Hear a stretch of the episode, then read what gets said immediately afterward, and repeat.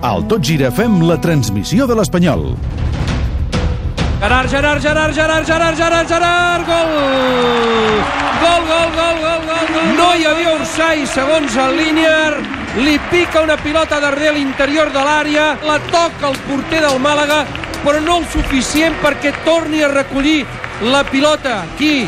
El de sempre, Gerard, i fa el primer del partit 8 de la primera marca Gerard, Espanyol 1, Màlaga 0. Dins l'àrea, Baptista, oh! la pilota queda morta i gol, gol, gol, gol, gol, gol, gol, gol, gol, gol.